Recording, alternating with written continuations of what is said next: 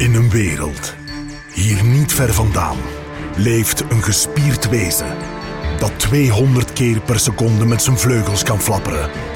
Gekleed in een zwart-geel gestreepte maillot met wel 3 miljoen fijne haartjes op zijn lijf.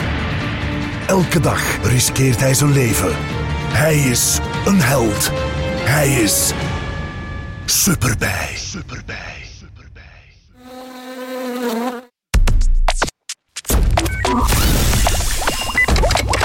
Het geluid stelt voor. Wetenschapje, een podcast over, ja, wetenschap, straf hè.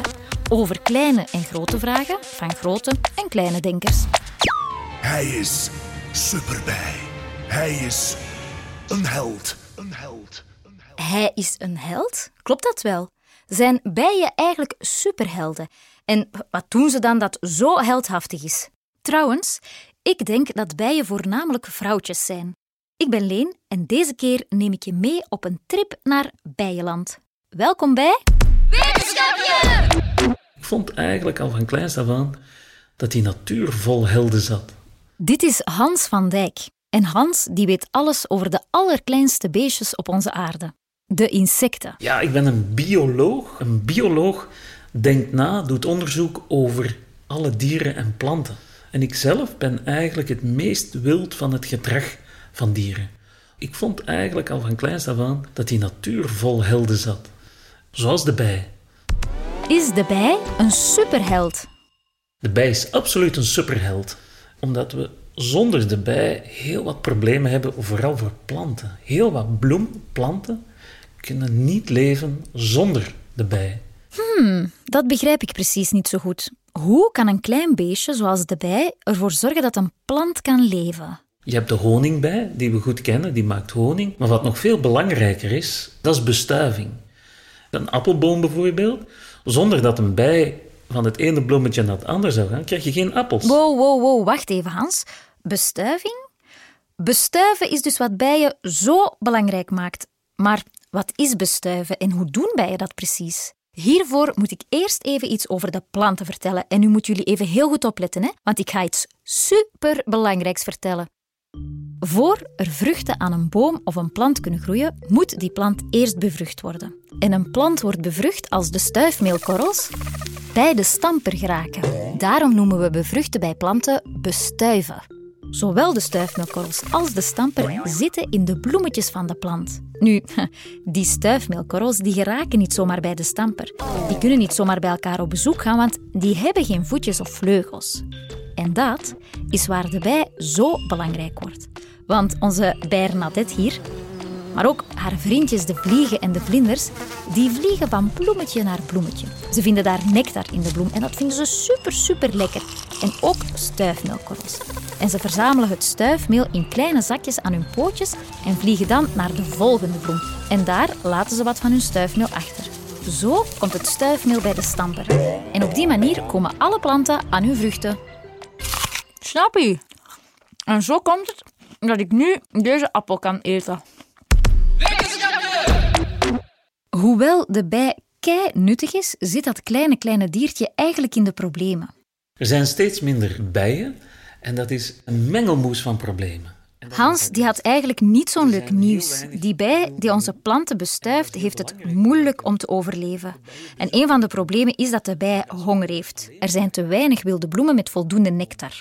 Een tweede probleem is een huis. De honingbij die krijgt een bijenkast van de imker, dus die is veilig, maar de wilde bij die moet zelf een plek zoeken, in de bodem of in de bomen.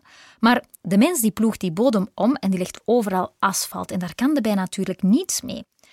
Een derde probleem, dat zijn de gifstoffen. Pesticiden noemen we dat, waarmee wij onze plantjes inspuiten. En de bijtjes die eten die gifstoffen op en die raken daarvan helemaal in de war. Ja, als ze die gifstoffen krijgen, in heel kleine doses vallen ze niet meteen dood, maar zie je dat ze vaak niet meer de weg terugvinden naar hun kolonie. En dat is een groot probleem, want dat voedsel dat ze mee terugbrengen komt er niet, eh, de nieuwe plekken worden niet gevonden en dan zie je dat de kolonie in de problemen kan komen. Oh, Hans, uh, ik denk dat wij een aantal dingen overslaan hier. Voedsel dat niet teruggebracht wordt, de kolonie die in de problemen komt. We weten al dat bijen bestuiven en dat ze het moeilijk hebben. Maar misschien moeten we eerst even vertellen over hoe de bij samenleeft. Want in zo'n bijennest wonen wel duizenden bijen samen, hè? Bijen zijn echt heel sociale insecten. Die zitten in een volk, in een kolonie, met een koningin aan het hoofd. Het hele kolonie wordt gerund, alle taken, alle werk zijn allemaal vrouwtjes. Oh, dat doet mij denken aan een uh, liedje van Queen Bee. Kent je die? Wie regelt alles, meisjes? Wie regelt alles, meisjes? Dit dus, hè? Maar dan in het Engels en beter gezongen. Dus bijen zijn heel sociaal en leven soms wel met 40.000 bij elkaar. Dat is heel veel volk. Hoe organiseren die bijen hun leven dan? Hoe regelt koningin bij haar volkje? Ja, dat wil ik wel eens weten. Ja, dat is eigenlijk een heel ingewikkelde structuur. En je kan je inbeelden, als je in een flat met vele duizenden samen zou wonen, dat er wel wat regels moeten zijn. En een taakverdeling. Bijvoorbeeld, er zijn bijen die als taak hebben om voor de baby's in de kolonie te zorgen. Ja, heb jij honger? Wil jij een beetje koninginnenprei van mama? Je hebt er anderen die instaan om het nest te bewaken. Wow, wacht. Zeg jij wel van deze kolonie of niet? Toon nu pas eens. Anderen zijn een soort scouts, padvinders die nieuwe bronnen gaan zoeken. Want nu hebben we wel bloemen, maar wat is het voor morgen? Oké, stafkaart. Check. Kompas. Check. Boterhammendoos. Uh, vergeten. En sommige bijen hebben als taak thermostaat spelen. Hoe warm is het, hoe koud is het in het nest? Wordt het te warm, dan zie je dat een aantal bijen aan de ingang gaan zitten en met hun vleugels beginnen flapperen, zodat er meer circulatie komt. Als dat niet genoeg is, gaan een aantal van die bijen de kolonie verlaten, gaan ze water nemen en brengen ze water in de kolonie. Zwembrillen en snorkels aan! Dat verdampt, dan zie je dat de kolonie ook wat kan afkoelen. En op die manier kunnen ze de temperatuur in hun kolonie heel precies houden. Wow, dat is echt super cool. Dus elke bij heeft zijn eigen taakje.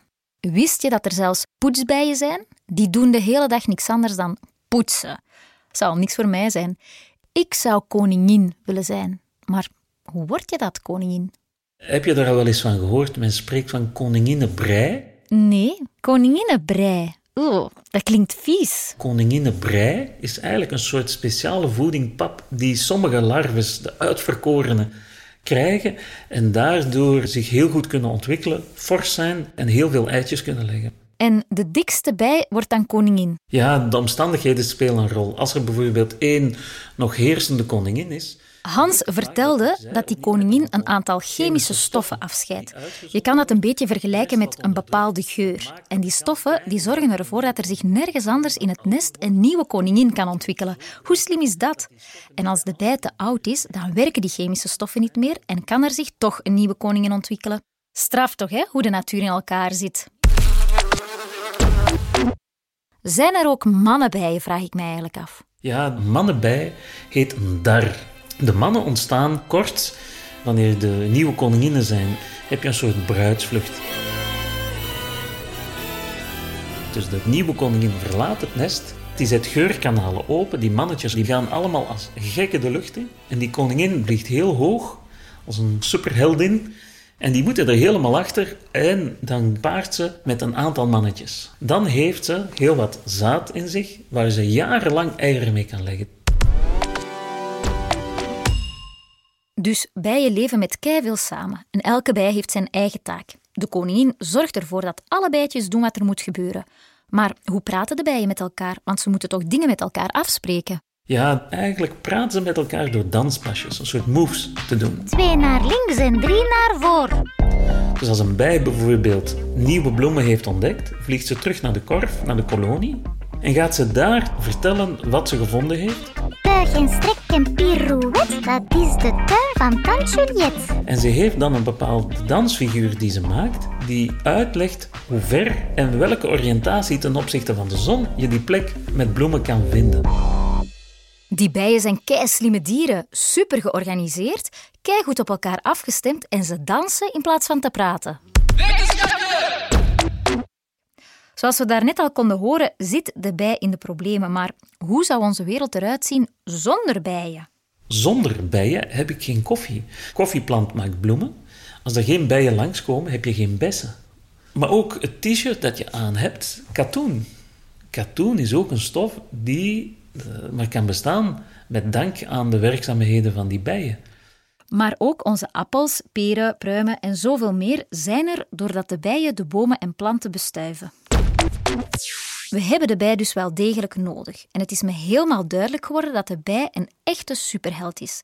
Stel je maar eens voor hoe we dat zelf zouden moeten doen: bomen en planten bestuiven. Zou niet makkelijk zijn.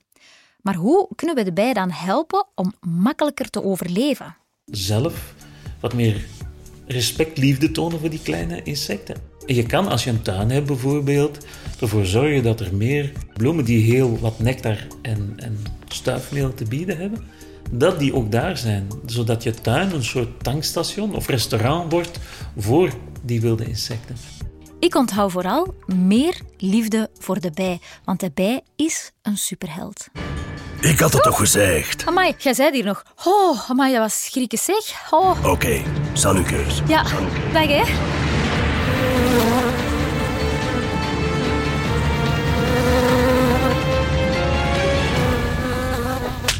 Hé, niet doodmeppen hè. Trouwens, als je nog een vraag hebt, mag je die altijd stellen aan leen.geluidshuis.be. Wie weet maak ik er een heel wetenschapje van. Daag! Ah, dit was Wetenschapje met Hans van Dijk als bioloog. Uh, bioloog. Wetenschapje is een productie van het Geluidshuis. Klank en muziek zijn gemaakt door Bram Kouwmans. Concept en regie door Leen Renders. Met extra hulp achter de schermen van Katarina Martinowski, Anne Smet, Pieter-Jan Vinks en Koen Brandt. En een speciale dank aan Geert van Rampelberg als superbij. Heb je genoten van deze aflevering? Geef dan een score of laat een recensie achter. Zo vinden anderen ook de weg naar deze podcast. Op wetenschapje.be vind je meer info en onze andere producties, zoals de heerlijke hoorspelen. Dag wetenschappers, tot snel! Zeg Bram, doe jij nog even het licht uit? Moeten we niet nog iets vertellen? Ah ja, dat is juist, dat is juist, tuurlijk. Ook nog even dit. Na de uitzending over de vulkanen kreeg ik een vraag van Astor. Astor is zeven jaar en hij vroeg zich af of er ook vulkanen zijn in de ruimte. En zo ja, wat er zou gebeuren als die uitbarsten.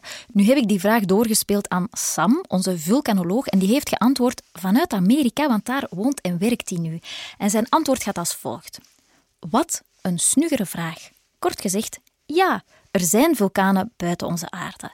Nu blijken er dus vulkanen te zijn op Venus. En in plaats van dat die lava uitstoten, stoten die vloeibare zwavel uit. ik denk dat het daar nogal moet stinken hoor.